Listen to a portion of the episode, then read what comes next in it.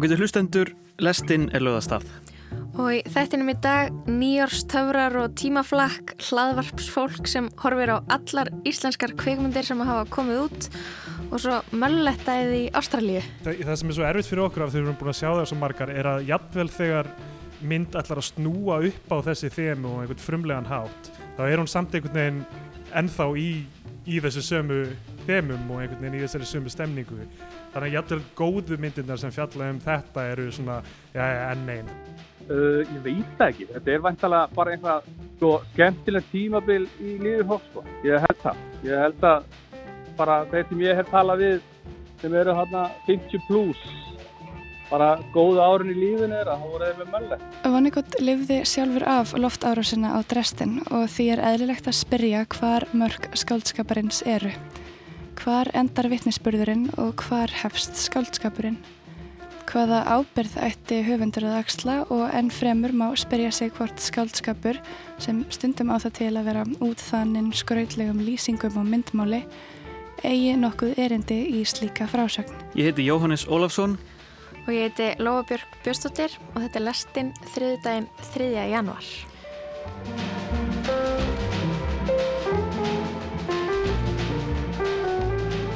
Við ætlum að byrja því að skoða hárgreðslu.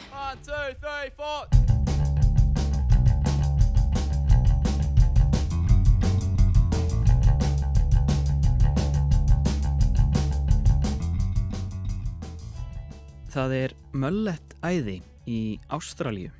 Allir og ammaðira eru með sítað aftan þessa dagana og ekkert lát verist vera á þeirri tísku bylgu. Þessi klipping stuttað framann sítað aftan er mjög engjænandi og í dag stendur hún út því gullöld þessarar greiðslu var fyrir 30-40 árum en nýlega rakst ég á umfjöllun Breska ríkisúttarpsins sem byrt var millir jól og nýjárs. Það var stutt umfjöllun á myndbandsformi um þessa aðteglisverðu hártísku í Ástralíu.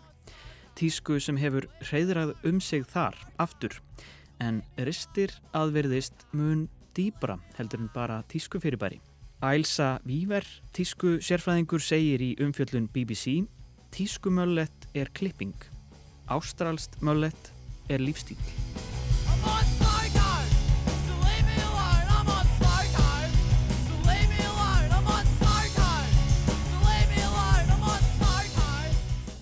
Þessi einkennandi klipping, sítað aftan, möllett, vekur upp sterkar tilfinningu hjá sumu fólki og ég er greinileg ekki undanskilin þar því eftir að ég ákvaða fjallum þetta áttaði mig á því að í janúar árið 2020 fjallaði ég um ástrálsku punk-senuna þar sem þetta band sem hér hljómar, The Chats, kemur mikið við sögu.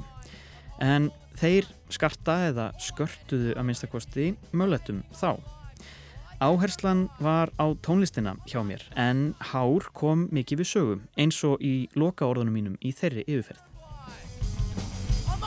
Það er svo sem ekkert eitt sem tengir þessar hljómsveitir saman. Það er margt.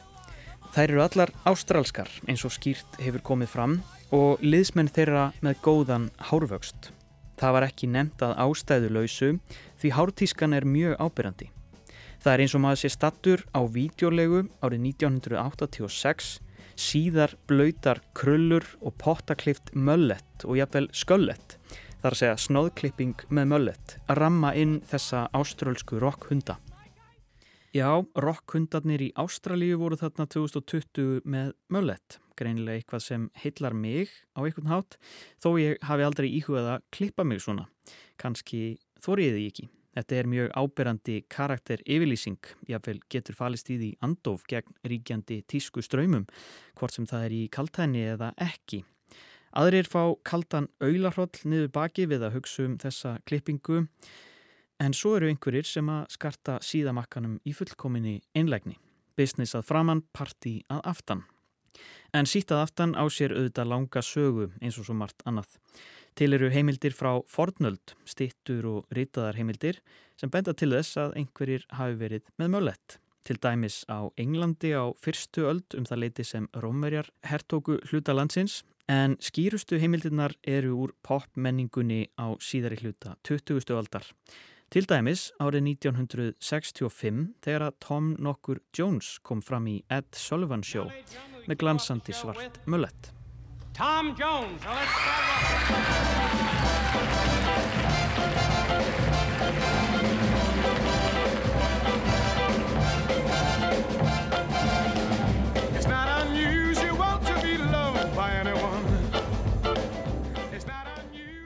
Í upphafi áttunda áratugurins fór þessi hárgreðsla á flug og mætti nefna nokkur nöfn úr tónlistinni, Paul McCartney, Keith Richards, Rod Stewart, Patti Smith og svo auðvitað David Bowie á Siggy Stardust tímabilinu sínu.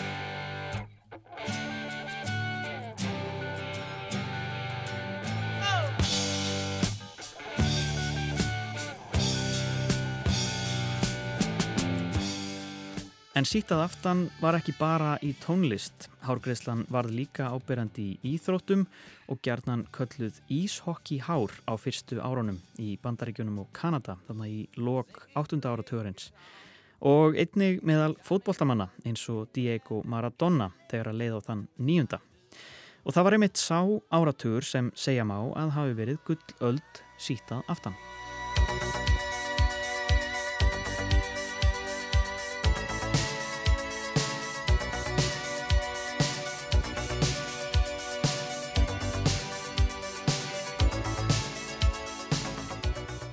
Já, 80's tískan væri ekki svipur á sjón án möllettana. Þykkar krullmoppur sem liðuðust aftan úr nökkum fólks um allan heim. Nótkunn enska orðsins möllett verist þó ekki koma við sögu fyrir en lungu síðar, þó deilt sé um uppbruna þess í daglegu tali. Í hlaðvarpstættinum The Decoder Ring er fjallað um sögu klippingarinnar og orðsefjar orðsins möllett og eins ótrúlega og það kann að hljóma þá er tímasetning orsins rakin til ársins 1994 í raun eftir gullöld tískunar. Almennt er að viðkjent að bandaríska rap-rock hljómsveitin Beastie Boys sé fyrst á svæðið með þetta hugtak í læginu Mullet Head.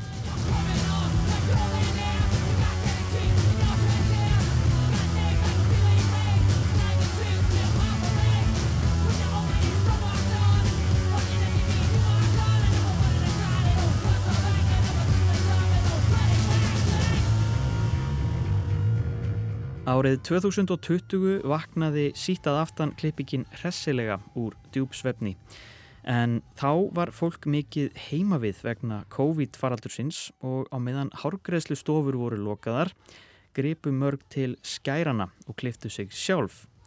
2020 varð meira segja ár mölletsins hjá tímaritinu ID Breskablaðið The Guardian byrti líka grein en það var árið 2019 þar sem fullitt var að möllettið væri komið aftur og þá í samhengi við nostalgíska menningu til að mynda sjónvastættina Stranger Things.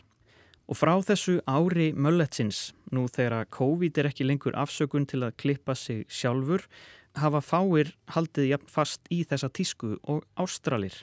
Það verist ekki bara vera vegna þess að klippingin þykir flott, Þar ristir þetta enþá dýbra í menninguna. Samkvæmt yfirferð BBC um málið vísar tísku sérfræðingurinn Ailsa Weaver til fyrirbærisins Larrikin í þessu samhengi. Hún segir að Ástralir elski möllet því þeir telli sig vera Larrikin.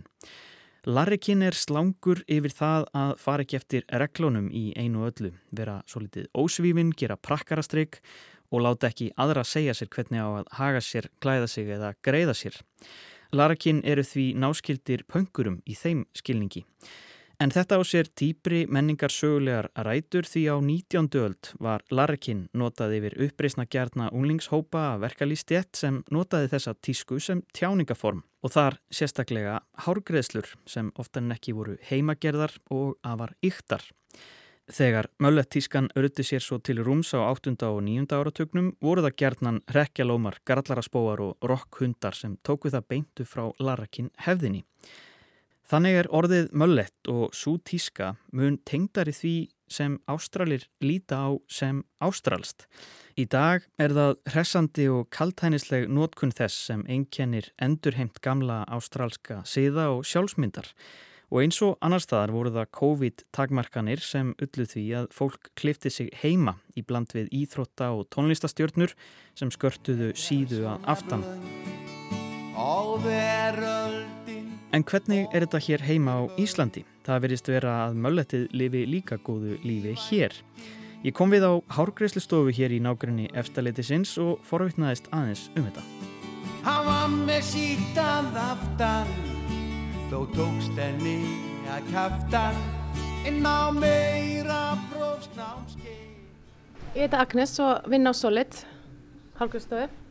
Sko, hvað hugsaðu þegar þú heyrir orðið möllett, sítað aftan? Ég sé náttúrulega bara 80s, 80s tískuna þá og tónlistamenn og þetta er bara er að koma aftur. Þetta er bara búið að vera viðlóðandi bara núna síðustu fimm ár finnst mér möllett. Og núna til dæmis finnst mér þetta ár að þetta sé fara að fara yngri krakkar. Það eru mjög mikið að strákum sem koma inn að 12 ára og byggja möllett. Sko. Og hvað byggja þér um? Er þetta allt svona, þú veist, eru mismunandi stílar af möllett eða hvern, hvernig Já, er það? það er náttúrulega til alls konar útgáður af möllett. Við, við erum að raka upp í hliðunum og, og skilja eftir að aftan sem er mjög vinsalt. Þetta er kannski ekki alveg svona eins og þetta var í 80 eitthvað þar sem þeir voru með bara úr sér vaksna klippingu og bara heldur henni þannig sko. Já. Þetta er orðið meiri stíl yfir þessu. Mhm. Þú veist, alls konar útgáður. Bara mikið um að raka það upp og svo til dæmis að gera ljóst ofan á þannig að, það, að, að þetta sé svona dögt undir og, og svona meiri funky stíl yfir Já. klippingunum sko. Hvaða típur eru með möllett? Hvernig finnst þér svona, þú veist, er þetta, er þetta bara út um allt eða eh, svona, er þetta einhver ákveðin svona manngerð sem að ber, ber þetta? Nei, en mér finnst sko eins og þetta hafi breyst sambandi við þetta til dæmis að áður fyrir var þetta svolítið svona típur og þeir klættu sig í stíl við þetta. En núna finnst mér þetta orðið bara þú veist, það eru bara vennilega strákar sem eru í þú veist, tísku fötum sem eru með möllet. Þú veist, þetta er ekki svona eins og típunum voru hérna í gamla dag það voru svolítið spútnik típur sem að vildu fá möllet. Voru einhvern veginn svona, svona einhverju nostalgíu. En mér finnst þetta núna orðið bara svona algengt. Þetta er orðið bara mjög algengt. Mm. Sko, veistu af hverju þetta kom aftur? Uh, af hverju þetta kom aftur tilfinningu fyrir því? já, ég held bara að fólk sé bara opið fyrir að vera alls konar Mm. ég held að það sé bara málið ekki allir eins að einhver kliftur, klift út úr einhverju sérstöku minstri ég held bara að fólk og, og krakkar er bara opnið fyrir því að vera öðru sig ég held það Hvað er manneski að segja með þessari klippingu? Þetta er náttúrulega svolítið sérstök, statement svolítið statement. Já, þetta er það. Þetta er það. Ég veit ekki hvað er að segja með þessu. Ég bara held ég að vera ofinn fyrir að vera öðru sig. Ég held það. Svo náttúrulega fylgir þetta líka bara svona svolítið tískunni í dag, eða finnst mér. Svona, svo náttúrulega komið svo mikið af strákum sem verður að byrja að klippa hár, sko, og þeir eru, finnst mér, mjög opnir fyrir að gera alls konar. Og svona koma þessu inn hjá litlu strákanum. En ég held að þetta eh, eh, snúist ekki um það að vera eitthvað sérstök típa eins og þetta var einu sinni, sko þú veist, þá var þetta einhvern veginn kom bara natural svona manneskja sem klætti sig í einhverja, þú veist, sérstaka einhvern stíl, einhvern, að hann var með möllett. Því ég held að þetta sé bara, bara, bara tískan í hári er bara alls konar, held ég. Hún kemur og fer eins og annað. Æja, nokkala. Sér eitthvað svona fram á að þetta muni vara í einhver ár eða hvernig, hvernig heldur að þessi, hvað við segja, möllett bylgja uh, Já. fari? Ég held að þetta sé bara einhvern veginn komið til að vera. Ég, ég mér finnst þetta sömu strákan koma aftur og aftur og byggja um möllett, sko. Og ég, ég held að þetta verði bara viðlóðandi núna á næstunni. Já, krakkar mæta greinilega í röðum á hárgreislu stofur, aðalega strákar og byggja um sítt að aftan. Og til þess að gæta samgjörni fannst mér að rödd einhvers með möllett þyrti að heyrast hér. Ég vissi um hann og ringdi í hann. Hjalti, Blessar Hjalti Jóhannes hérna. er? Mér langar svolítið að hérna ræða hárið á þér. Dásamlegum dísel keim hann drifi dæmal Hvernig myndi ég kynna mig? Ég heiti Hjalti Lýðssonar, vextur á Nova Sirius, breyðilíkur. Getur þú líst hárinu þínu? Hárinu minni. Þetta er bara flatt topp með síta aftan. Klassíkt mullett og getur orðið held ég. Hvað, uh, hve, hvenar kom þetta til að, að uh, þú fóst yfir í mölletið? Heyrðu, þetta byrjaði nú sem góðu brandari fyrir sex árum síðan þegar ég ætlaði að klippa tveggjara barnið mitt með möllet. En fyrsta hárgrímsstofa sem hann fór á, sem var einhver góð stofa í seljakverjundu, þeir neituð að klippa hann. Hmm. En hérna, hann, hann fór bara einhvert annað í klippingu og og hann er núna búin að orðin átt ára og er ennþá með möllett og, og hann sagði það einhvern tímann í jóki að ég ætti líka að vera svona og, ég er búin að vera svona í tvö ár. Þannig að við erum þrýr, þrýr feðgarnir með sömu klippuguna núna. Já. Og svona allir svona svipað sítt. Já. Hann er með síðast, hann er komin að hálf baknæsti. Já. En gáðu upp eitthvað ástæðu fyrir því okkur þau vildi ekki klippa möllett? Já, þeir ætlaði ekki að taka þátt í þessari vitleysu. Þetta væri var- Já, Já. það er náttúrulega fyrir sex árum síðan að það var þetta bara svo ég man ekki eftir að einhver hafi verið með möllett þetta heima. En sko það, það virðist tengjast þessu svona grallaraskapur og, og grín. En, Al, a, já, en það, er, er, er það tilfellið? já, algjörlega. En ekki engungu? Ég, jú, ég held það. Þetta, eru, þetta, er, þetta byrjaði náttúrulega sem góðu brandari, svo góðu brandari hættir aldrei, sko. Já. En því, því fylgir líka alvara, gott grín. Því fylgir alveg alklárlega, klárlega. Já. En hvað, sko, ef þú ættir að svona rifja upp, hvað eru flottustu möllett sem þú veist um, svona innblásturinn eða eitthvað, hefur eitthvað pælt í því? Nei, ekki nei. Svo Joe Dirt er að fyrst sem kemur upp í hausinn á. Já. Og, og hérna, og, og Tiger King. Emmitt. En þetta tengist náttúrulega ákveðnu tímabili líka í, uh, í tískunni. Það er þetta mjög fastlega við sko 8. og 9. áratugin. Það- Já, ég hef líka akkurat hitt helviti marga á 50-saldri sem hérna er orðið sköllóttir í dag og lenda að spjalli við mig um klippinguna mína hvað þeir væru til í að geta verið þarna. Og, og þeir voru svona þarna í kringum 15 til 20 Já, og saknaði þess og, og smá öfund. og saknaði þess. Já. Já, svona þannig að þeir einu sem hrauna yfir klippingarna minni það eru sköllóttu vini minnir. Það er kannski sem snýst náttúrulega bara um bullandi öfusíki að að það vex en það mér hárið. En aðrir í kringu þig, ég meina þekkir, þekkir einhvern sem eru með Nei, en hjá bara grunnskólum allavega í breiðhaldinni í kringum mig að þá finnst mér og bara íþróttunum kringum strákana mína að þá finnst mér bara 30% af krökkan vera komni með möllet. Og þá bæði stelpur og strákar og bara, Nei, bara strákar. bara strákar.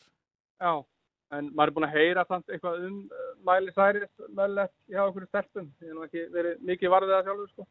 En þú sjálfur, hvernig, ég meina, þú sko, þú segir að þú fáir aðtegli frá sköllóttum vinnu þínum, uh, færðu einhverja aðra aðtegli almennt? Ég meina, er, er fólk sem stoppar þig til þess að kommenta að óþörfu eða, Já, alveg ótrúlega mikið. Bæði, ef ég fer í bæinn, bæði Íslendingar og útlendingar. Að dásta hárun á mig. já, og hvað, er- hvað er sagt? Fyndi, sko. Bara gegja möllett og ég er nú bara að segja til að jammaði með konuðin en þá vildum fá að snerta einmitt. Þannig að þetta er, þetta vekur aðtegli. Já, jákvæða aðtikli. Uh, Sérðu fram á að vera með þetta bara í einhvern tíma eða hvernig? Já, þángar til að maður þetta í að breyta til sko, en það er ekkert á dasgrá sko. En hvað, bara, þú veist, rétt að lókum, hvað, hvað finnst þér þetta fyrirbæri vera, þessi klipping? Af hverju er þetta svona áberandi, af hverju vekur þetta upp þessar tilfinningar hjá fólki? Uh, ég veit það ekki, þetta er vantalega bara einhvað sko, skemmtilegt tímabil í lífi fólk sko, ég held það. Ég held að bara þeir sem ég hef talað við sem eru hérna 50 plus, bara góða árin í lífinu er að það voru þeir með mölle. Þannig að þetta Og tengist, svo eru þeir að fjölskyldu fólk eða eitthvað og, og breyttu stefni. Þannig að þetta er nostalgía að, að megluleiti. Nákvæmlega, nákvæmlega. Hefur, hefur eitthvað heyrt um þetta ástrálska æði? Heyrðu, nei, ekki meira en ég var ekkert um að googla þetta og sá um einhverja, það er einhver festival hérna og eitthvað, einhver mölletfestival, en Mullet Festival. aðurleiti ekki. Já. Já, Akkurat. Þú ert, þú er ekkert íhugað að sækja svo leiðis? jú, ég hef nefnilega íhugað það. Það er auðvitað helviti gott partí. Akkurat. Ég er ekki frá því að fólk með möllet er skemmtilegar fólk heldur en annað fólk. Þar höfum við það. Þetta er nostalgía, allavega í aðra röndina. Hver svo sem ástæðan er, hvort sem það er ástralst, larrakinn, nostalgía eða bara stíl, þá er mölletið greinlega komið til að vera aftur. Gleðilegt nýtt hár.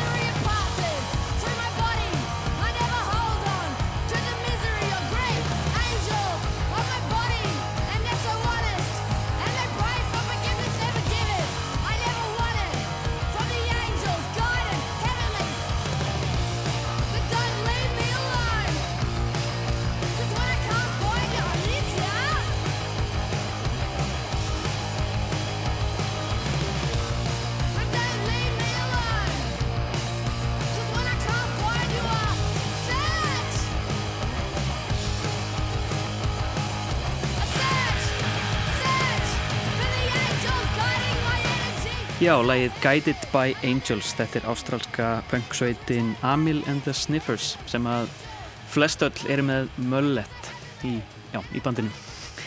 Skemmtilegt. Um, hérna, næst í lestinni ætlum við að uh, heyra í henni Ástísi Sól Ágústóttir. Hún er að velta fyrir sér nýjárstöfrum og tímaflakki í tilbyrjum þess að nú er nýtt ár gengi í garð. Þú veist að segja gleðilegt nýtt hár, Jónes. Ég fekk að segja brandara minn. Þú stefnir á mölletta nýja ári, eitt af áramóta heitunum þínum. Já, ætti ég að gefa því séns? Já, ég Eða seg- sköllett? Ég segi þú ekki við sjans. En hún, hún Ástís, hún er að uh, rifja upp skáldsöguna Slátrús 5 eftir Kort Vonnegut.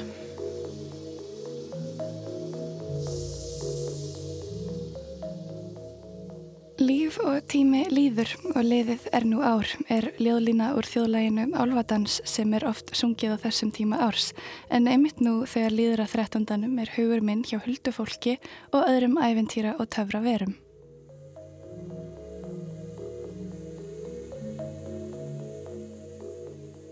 Nýtt gregoríst ár er gengið í garð og loks verða dagar okkar lengri og bjartari. Margir eru metnaðarfullir á nýju ári og telja þennan tíma árs tilvalin að setja sér markmið, jafnvel strengja nýjárs heitt. Flestir vilja breyta einhverju og bæta annað og horfa þá til lengri tíma yfir vítt og breytt svið. Það er því óhætt að segja að áramótin séu, þrátt fyrir allt glís og glamur, bara nokkuð skinsamlegur og jarðbundin tími. Við lítum til framtíðar, losum okkur við þar sem gagnast okkur ekki lengur og reysum tröstari stóðir. Það er ymmit vegna þessara andstæðna sem er langar að spá í þessum annars merkilegu tímamótum, þar sem það jarðbundna og það æfintýra gertna mætast. Á sama tíma árs og við strengjum nýjársheit, leggjum pening til liðar eða lesum fyrstu bóka 50, þá eru einnig önnuröflað verki. Því á 13. og nýjársnótt eiga kýrnar vist að tala mannamál og fylkingar huldufólks eiga vist að flytja heimkynni sín. Þarna skarast algjörlega tveir heimar og eru kannski alltaf því fyndnar andkverfur. Annars vegar því hjartbundna og skinsamlega, anspennis hinnu dullræna og töfrandi. Ég reyndi að finna einhvern miðjupunkt í þessum rugglingslega dansi. Hvar mætast eiginlega hið alvörugefna og hið óutskýranlega? Hvar mætast tíminn og töfratnir? Mér datt í hug að þar á milli mætti kannski setja hugmyndina um tímaflakk.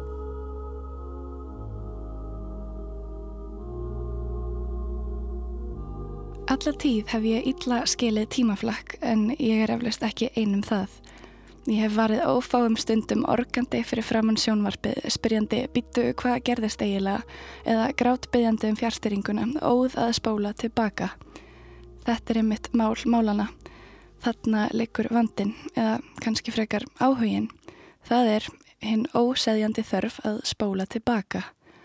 Að geta spóla tilbaka og fara þannig aftur í tíman. Því þegar við spólum tilbaka þá gerum við ráð fyrir því að þar, í fortíðinni, getum við reynd að skilja hvar við erum stætt núna. Í endurspiluninni getum við reynd að skilja atbyrðarásina og sá skilningur okkar gerir okkur kleift að halda áfram. Það sem getur þó gerst þegar við spólum tilbaka er að við festumst þar. Þessi hugmyndum að festast í fortíðinni eða að flakka á milli tíma og minninga kemur víða fyrir í bókmyndum en það eru nú flestar frásagnir tegðar yfir einhvers konar tímalínu. Það var ekki fyrir en ég las fyrst bókina Sláturhús 5 eftir Kurt Vonnegut að mér fannst hugmyndin um tímaflakk eiga við í raunheiminum. Vonnegut er þekktur fyrir snúin og alltaf því absúrt stíl og frásögn en þrátt fyrir þetta flækjustegi í sögu hans Sláturhús 5 þá fannst mér ég að skilja hann vel. Mér fannst hann tala á mannamáli.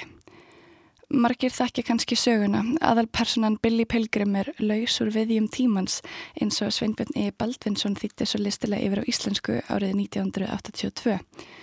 Sjóntækjafræði nefn Billy Pilgrim var sendur til Luxemburgar sinna herskildu í setni heimstyröldinni. Þaðan fer hann á samt öðrum bandaríkjumannum til þýsku borgarinnar Dresden þar sem hann lifir af loftárusinnar sem urðu rúmum 130.000 manns að bana. Frásögnin er flókin og erfið. Billy Pilgrim hoppar úr einu tímarúmi yfir í annað og það er því næstum tilgangslist að reyna að útskýra hvað og hvenar eitthvað gerist. Billy Pilgrim kemst þó í kynni við Trallfamadora, geimverur sem urðu hans helstu hjálpar hellur. Málum er nefnilega þannig háttað að Billy Pilgrim ferðast óviljur á milli tíma. Í bókinni er þessu líst sem Billy er spastískur í tímanum og ræður engu um það hvert hann fyrir næst og þessi tímaferðalög eru alls ekki alltaf skemmtileg.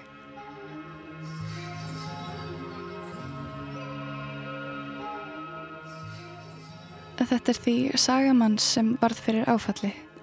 Hann sá borg jafnaða við jörðu. Hann upplifði algjöra eðileggingu og ólýsanlega mannvonsku. Slík frásögnir vand með farin og fólk hefur margt að segja um hvort og hvernig slíkar frásagnir ættu að vera. Vonnegut velur að skrifa þessa sögu á þennan erfiða hátt sem minnur á völundarhús en höfundur spilar eftir vil starra hlutverk í frásögnum þessa viðfangsefnis. Vonnegut lifði sjálfur af loftárásina á Dresden og því er eðlilegt að spyrja hvar mörg skáldskaparins eru. Hvar endar vittnisspurðurinn og hvar hefst skáldskapurinn? Hvaða ábyrð ætti höfundur að axla og enn fremur má spyrja sig hvort skáldskapur sem stundum á það til að vera útþannin skrautlegum lýsingum og myndmáli eigi nokkuð erindi í slíka frásögn. Er þetta efni í brag?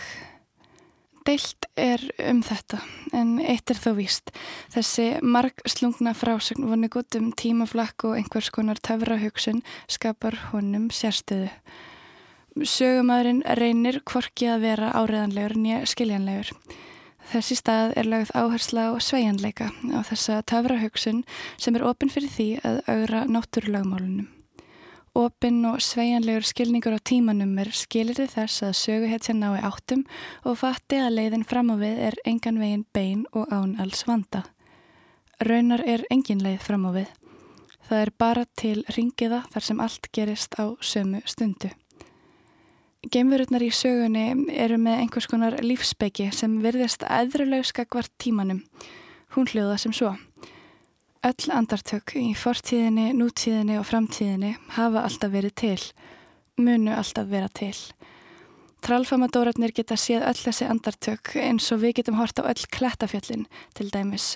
Þeir geta séð hvað öll þessi andartök eru varanleg og þeir geta skoðað hvert það andartak sem þeir hafa áhuga á.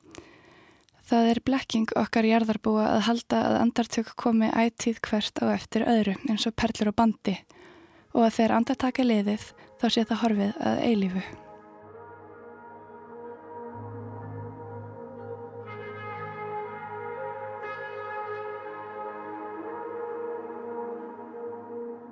Mörgum gæti fundist þessi hugmyndum varanleika hverjar einustu stundu mjög sefandi.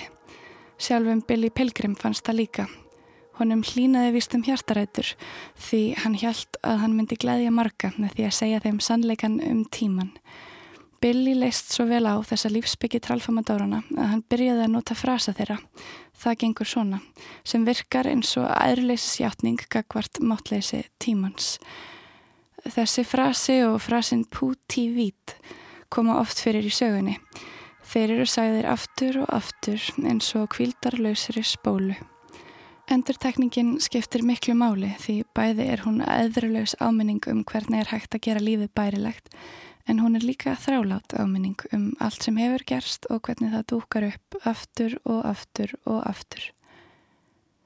Þetta tímaflakk er svo litið frábröðið hugmyndinni um einhverja málmvél sem lítur okkar vilja. Þetta er innvortis og einhvern veginn mjög raunverulegt. Þetta eilífa flögt mun sennilega alltaf vekja upp áhyggjur, spurn og undrun á öllum tímamótum. Still, if I am going to spend eternity visiting this moment and that, I'm grateful that so many of those moments are nice.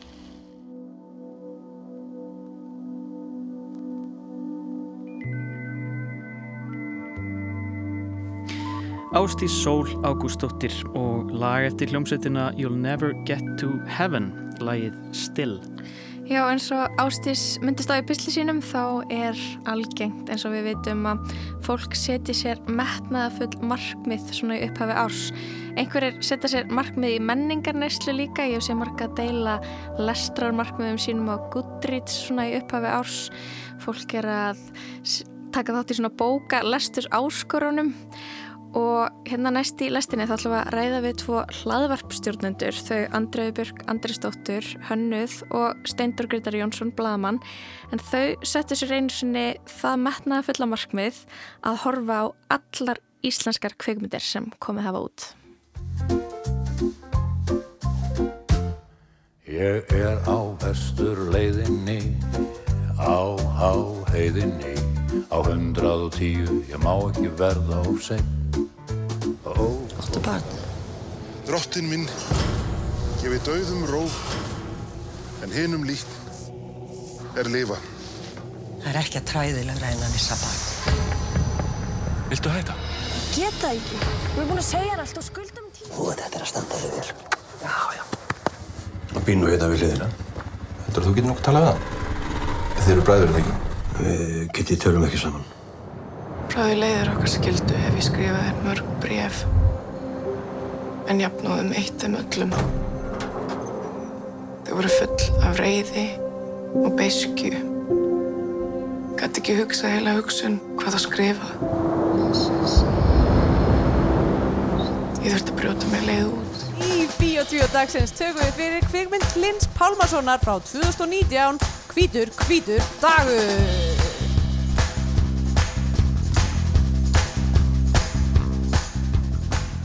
Hlaðvarpið Bíó 2 hóf gangur sína á alvarpinu, flyttst svo yfir á Rúf 0 og er núna gefið út á stundinni. Þau Andrea Björk Andresdóttir og Steindor Gretar Jónsson halda því úti og þau hafa sett sér það metnarfulla markmið að horfa á allar íslenskar kveikmyndir sem þau gera síðan skil í þessum þáttum. Þau taka fyrir eina myndi í einu. Þau eru komin inga í lestina í viðtal, reyndar með okkur í síma en það búsett Erlendis. Komið sæl. Þetta er sæl og Hæ, hæ takk fyrir áður. Gleðis nýtt ár. Gleðið nýtt ár sem er leiðis. Byrjum kannski aðeins á byrjunni þegar að- þið byrjum með hlaðvarpi Bíó2 og var þá hugmyndin alltaf að taka fyrir hverja einustu íslensku mynd sem hefur komið út. Já, ég held að við hefum lagt upp með það frá upphafi en við, við sáum fyrir okkur að þetta veru 200 og eitthvað myndir sem við skilgreyndum sem íslenskar myndir. Já, við náttúrulega byrjuðum með í rauninni þær skorður að það þurft að vera íslensk kvikmynd í fullri lengd og hvernig við skilgreindum hvað er íslensk kvikmynd er svolítið svona ok- okkar eigin ákvarðan að taka sem að svona, er hún tekin upp á Íslandi, er íslensku leikstjóri, leikararnir, svona handrit, þannig að það er og það eru alveg margar myndir sem að falla kannski svona helming inn og helming út en, en svo svona hefur þetta verkefni náttúrulega vaksið tölverda Já, það er alltaf verið að gera nýjar. það er bara, fólk hættir ekki að búa til íslenska kvikmyndir Okkur fannst þetta svona skemmtilegt, við vorum bæði nýflutt til Berlínar og okkur fannst svona skemmtilegt að halda einhverju te eh, tengingu við heimalandið Já. með því að fara í gegnum menningasögu þess svona í hlaðvarpi. einmitt, svo við líka hérna, töpum ekki alveg niður íslensku tungunni Já, sem verður verið með hverjum deginu. Uh, ok, þið segið svona 200 myndir þannig að fundið eitthvað lista yfir kveikmyndir eða svona hvernig settu þið saman þessar 200 myndir? Já, kvikmyndasjóður uh, heldur utanum, eða kvikmyndamiðstöð Íslands þar að segja heldur utanum hvað, hvað eru íslenska myndir og stundum eru einhverjar sem eru teknar upp á miklu leiti á Íslandi með erlendum leikstjóra og, og þetta er svona, já, þetta er svona spurningur innum með hverju og eina. En svo, já, það er alltaf að bætast við og, og núna erum við komin upp í þátt 220 og uh, kvikmyndasafn Íslands er að hjálpa okkur með að nálgast þær myndir sem er erfitt að finna þannig að við erum kom, komin í eitthvað mjög djúft og sjálfgeft Já, frá svona for, for, fornri tíð. sem að kannski fæstir eða sko, við tökum náttúrulega í bland myndir sem eru nýkomnar út og svo svona myndir sem að gott sem enginn hefur séð. Eh, þannig að við erum komin í svona sk- skrítin pakka núna. En svo líka einmitt svona höfum við eins og til dæmis kvikmyndavefurinn eða kvikmyndasamn Ísland og, og hérna uh, og kvikmyndamistöðin til dæmis skilgreina kvikmyndir Baltasar Kormák sem hann gerði í Hollywood sem íslenska myndir af því það eru íslenski framleiðendur á henni en við tökum það ekki alveg beintgilt en svo svona förum við út fyrir skilgreiningun okkar og tökum þú veist uh, dagskáramyndirnar sem eru líka gerðar erlendis og svona uh, sem svona í rauninni bónus Já, já. efni Hvað sem sagt búin að horfa á margar myndir?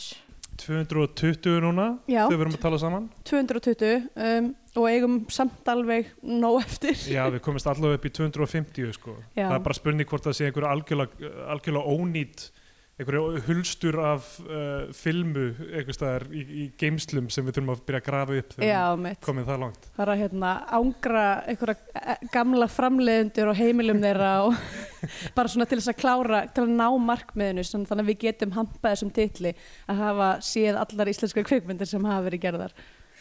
Þannig að sjáu þið aldrei eftir þessu að hafa ákveðið að horfa á allar. í hverju viku nánast sko. Jú, það kemur fyrir. Það, við erum dálítið hörðstundum við íslenska kveikmyndir það, þú veist, við erum að gera þetta að væntum þykju en, en þetta er náttúrulega ég, mena, ég held að 90 og eitthvað prósent af öllum myndum í heiminu sem kom út séu alveg ómögulegar það við um öll lönd, það er ekkert sérstaklega Ísland. Og, og en, en, það er líka gaman að horfa þær sem eru skrítnar og, og, og óvinnulegar og stundum eru að horfa myndir sem eru gerðar bara hreinlega af, af bæjarfélögum bara Já. mynd sem er gerð af bara íbúum kvolsvallar eða, eða, eða bólungavíkur og, og hérna bara svona bærin tekur sér saman og gerir bíómynd og það er uh, svona stemning að sjá það líka sko. Já, ég vil þótt að kannski myndin sé ekki endilega það sem að myndi segja, ég veit ekki, ekki framlag Íslands til Óskarsins, skulum við bara segja, að þá er samt alltaf gaman að þeim horfa á einhverju svona mynd sem að allir á flateri ákvaðu bara að gera saman og þú, það er alveg virði í því líka, þú veist að ég myndi kannski ekki segja þú veist, erlendum vinnum mínum sem er eitthvað svona, ó, ef ég ætti að horfa á eina íslenska kvikmynd, hvað verður það? Þá myndi ég kannski ekki segja í fað með hafsins, en hérna Uh, en það, okkur finnst alveg þú veist, gaman að uh, allavega fjallum þær, stundum getur verið erfitt að horfa þær en, hérna, en þetta er allt, allt þessi virðið svona einhvern veginn á hendunum Já, og þegar við finnum einhvern falin gullmóla þá er það náttúrulega alveg æðislegt. Það stendur í kynningatekstunum að, þarna, að þið fjallum kvöngmyndunar af, af lítilli þekkingu en töluverðri ástríðu.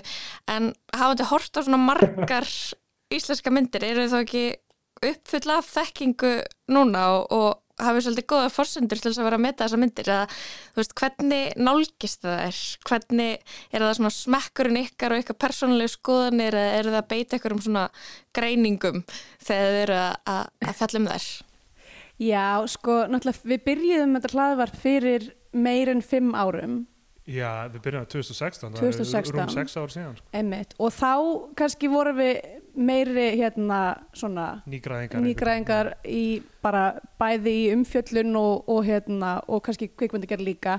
Uh, en það, jú, mikið vatni við runnið til sjávar síðan það og hérna við erum bæði störfum líka við uh, svona innan þessa bransa og hérna uh, þannig að jú, jú, við getum, þetta er kannski svolítið gamall texti Já, ég sé alveg eftir hlutum sem ég sagði þú veist þessi fyrstu ár þegar, þegar ég var eitthvað að pyrra mig á einhverju og þú veist við náttúrulega erum líka ofta að tala um myndir sko, þegar, hvernig við nálgast þær í þátt, þáttunum þá svona segjum við aðeins frá sögutræðinum því oft er þetta myndir sem áhrif, eða, hlustendur geta heila ekki séð Já. mjög óleiklegt að hafi séð þó það séu aðgengilegar og, og mögulega bara alveg ómögulegt að sjá nema bara Einmitt. mæta og banka dyrnar hjá kvikmyndasafni En þetta er líka hluta til kannski smá heimildastarf en, uh, en jú, við nálgumst við höfum í gegnum tíðina svona nálgastar út frá okkur svona persónulega smekk og auðvitað því meira, því fleiri íslenska myndir sem við sjáum því meiri þemu og svona endurtekningar sjáum við sem að þú veist kannski Já. ekki allir eru að spotta og hérna þannig að náttúrulega á þessum tímpúntið erum við að tala um þetta bara valgjöru þekking á íslenskum kveipmyndum um, og svo svona nálgust við þetta út, líka út frá svona bara skandinavskri kvikmyndagerði í heilsinni uh, við tölum, við sérst, gefum alltaf hverja einustu kvikmynd uh, svona þessum kvöldum Scandinavian Pain Index. Uh, svona hversu harmþrungin og hversu, svona, hversu vel hún fellur inn í þetta skandinaviska form kvikmyndagerða sem er búið að vera vinsalt síðustu 30 ár er hún alveg svona ljósblá á litin er, eru er harmleikur er, Já. er, er ba- ba- einhver smábæra liðast í sundur út af einhverju gleymdu leyndarmáli? Og einhverju spillingu. Það er svona dæmi gerða íslenska viðfangsefni. eru, eru dýr eða náttúruöfn sem að spila stórt, stóra rullu í myndinni? er svona ein göldrótt kona sem gefur vísbendingar um það sem koma skal. Þannig að við, við nálgumst það líka út frá því en svo, svo bara líka út frá svona uh, hvað okkur þykir vendum svona hvað við sjáum í íslensku þjóðfélagi hvernig það endur speglast í myndum og, og hérna og auðvitað líka bara okkar persónulega smekk hvað okkur finnst nett, reynilega Einmitt, þetta er kannski það sem ég ætla að spyrja ykkur út í næst. Þau töl- töldu hann upp svona já, þessi hugmynd sem við höfum um svona klísutnar í íslenskri kveikumdagerð, það er einmitt já þunglindi, maðurinn í sveitinni löggan, morð og, og svona, já það sem þið voru að tala um. Um en stennst þessi klísi núna þegar þeir eru búin að horfa á svona ótrúlega margar íslenskar kveikmyndir er, er þetta í alvörunni já, kemur þetta jafn oft fyrir og svona manni finnst svona þegar einmitt, maður er svona eitthvað að tala um ok, er það enn en önnur svona myndin?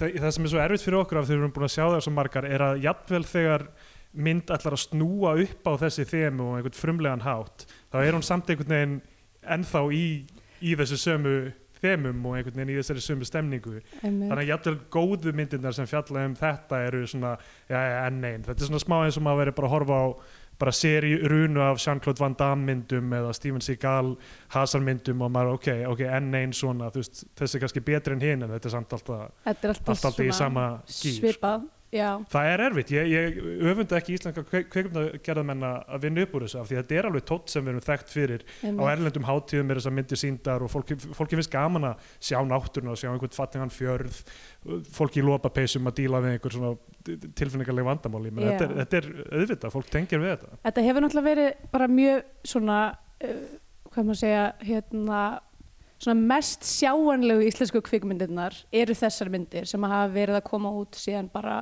í rauninni síðan bönn náttúrunar Já. um, og, og eru svona yðurlega styrtara kvikmyndasjóð og svona hérna landkynning og þú veist og það er allt í er kannski svolítið leiðilegt hvað þetta er einmitt búið að svona, þetta er farið að svona matast af sjálfu sér á þessum tímpúndi þar sem að það er, það er komnum það marga myndir sem heita eftir einhverju dýri að það einfalda þurft að skýra nýjustu myndir á dýrið af því það er búið að nota öll hinn dýrin. Þegar búið að nota rútar og, fálkar fálkar og, og- þrestir og, og uglur og, Já, en, en sko uh, en, en ég myndi satt að segja nú, nú til dags eru uh, íslenska kvikmyndagerðamenn í mjög alþjóðlegu samstarfi. Það eru þú veist ný sjónuröld sem koma inn margir læra erlendis, margir koma með erlenda kvikmyndatökumenn með sér inn erlenda leikara og, og, það, það þýðir ekki allt verið eitthvað betra en það er allavega svona fjölbreytari sín held ég. Og rosalega mikil þekking komin í bransan þannig að þó það fjallir kannski um sömu hlutina þá er það svo vandaður nú til dags þessar myndir. Mm. að hérna,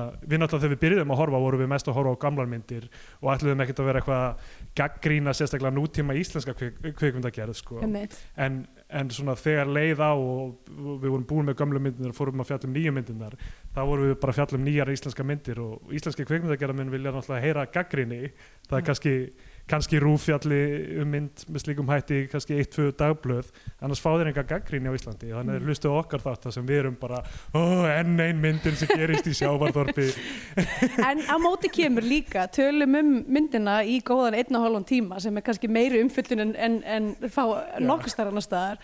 Þannig að ég veit ekki er, eh, en sko svo er líka fullt af, eh, það er rauninni, þetta eru kannski myndinar sem eru mest sjáanlegar en svo eru líka einmitt bara myndir sem eru framleitar fyrir innlendan markað og eru, þú veist, eru ekki að reyna að fara í þetta form eins og bara leinilögga og saumaklúburinn og, og þannig myndir. Amma Hófi Amma og- og eitthvað.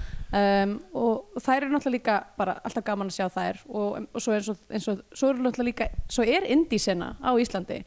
Hún, er, hún fer svolítið svona hérna, kannski eðli málsins samkvæmt underground uh, og ég veit, veit ekki hversu margir hafa séð til dæmis webcam um, en, um, en þær eru alveg til líka sko, það er alveg gaman líka að, að hérna, kíkja á þær Já, erfitt af því að mynd þarf náttúrulega að vera fullt af fólki þarf að sjá hana í kveikmynduhúsum eða þarf að selja hana erlendis til að hún skila einhverjum hagnaði og þetta er bara er, erfiðu bransin alltaf. Einmitt. Einmitt.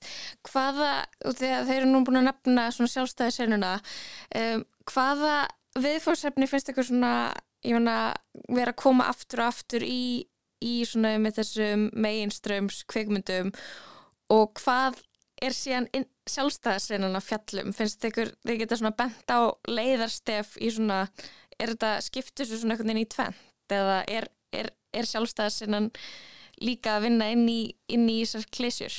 Stundum sko, stundum er já. að því. Og Það kemur alveg fyrir. Og mér finnst mjög leiðilegt þegar, þegar ég sé svona unga upprennandi kvikmyndagerða menn sem er að gera einhverja mynd bara alveg á nefanum en enda á því að gera þetta svona sama á mainstream.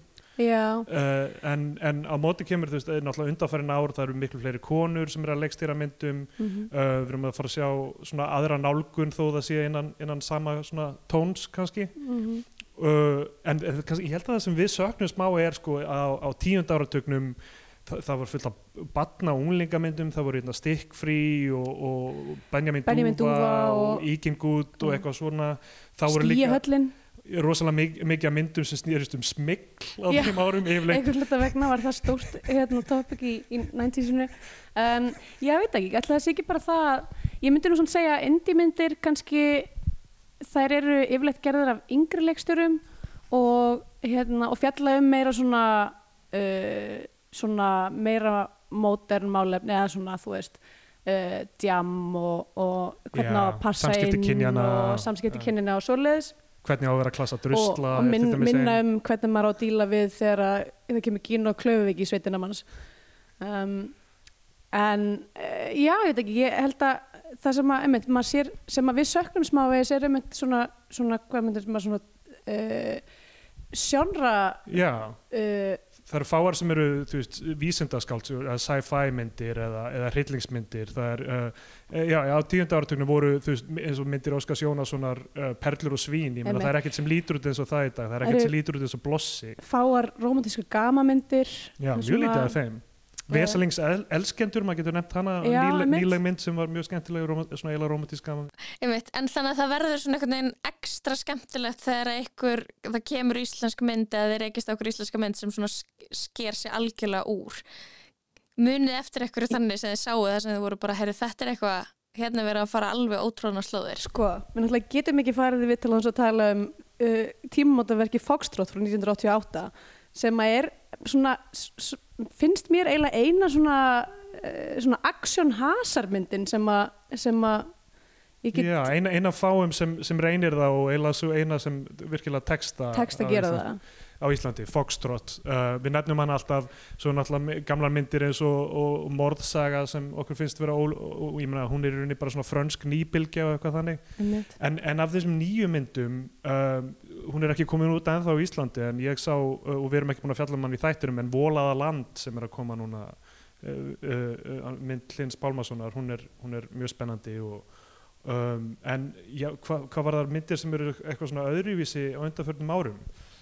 Um, mynd Jóhanns Jóhannssonar heitins Last and First Man. Já, einmitt, það er svona vísindaskálskapur ein af fáum slíkum. ein af mjög fáum og, og líka svona formalist allt öðruvísi heldur en margar íslenskar myndir uh, þannig að hún kom rosa skemmtilega ávart um, já kannski öruglega, öruglega fleiri sem við erum ekki mun eftir núna eins og, eins og við segjum, þetta er, þetta er fara að vera alveg stór tala upp að næstu 250 myndir Einmitt. hvað svo leiðis?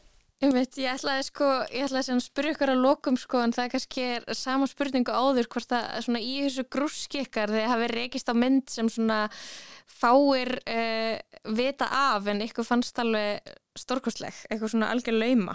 Já, önnur en Já. spurning hvað maður nefnir þá sko. Einmitt. Er það, kannski, er það kannski bara fokstrott?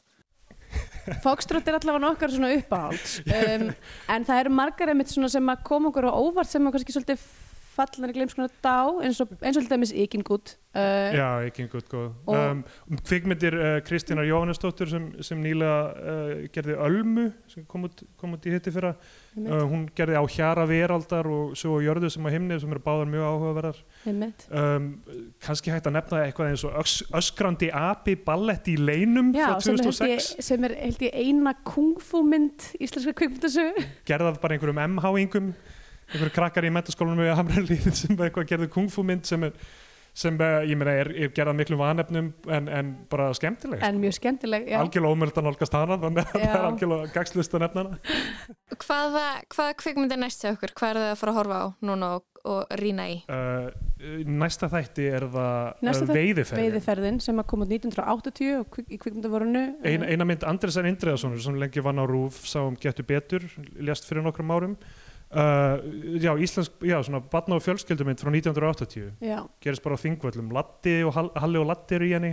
Já, mitt og bara svona ég held já. að enginn hafi síðan að síðan hún var vinsalasta mynd allra tíma árið 1980 á Íslandi og síðan bara sást hún aldrei framar. Uh, þannig að hún er næst á dagskrá og svo eftir, eftir það tökum við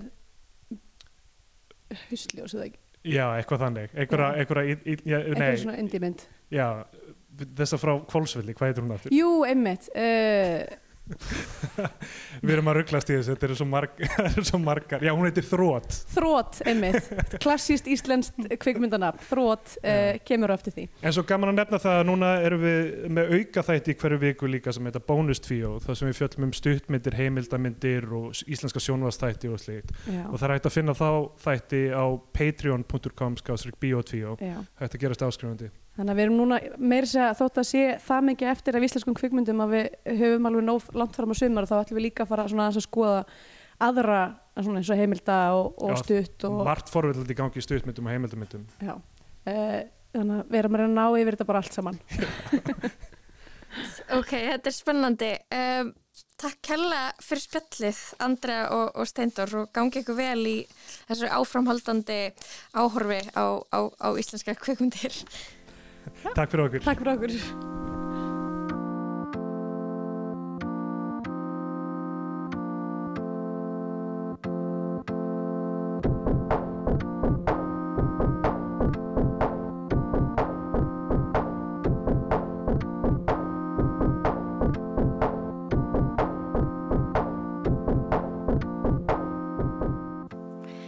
Smá af þemalæginu í kvikmyndinu 101 Reykjavík, það voru Damon Albarn og Einar Örd Benediktsson sem að gerðu tónlistina fyrir myndina. Það er skemmtilegt lag. Mm. ég rætti við þau Steindur Gretar Jónsson og Andriu Björk Andrisdóttur, þau eru búsett í Berlín en hugsa mikið um Ísland óhjákvæmulega en það halda þau út í hlaðvarpið þar sem þau horfa á allar íslenskar kvikmyndir. Mjög metnaðarfullt markmið. En það er komið að leiðalokum hér í lestin í dag við Jóhannes og Lóa þökkum kjallaði fyrir samfélgina. Verum hér á sama tíma morgun. Teknimaður var Gísli Kjaran. Verið sæl.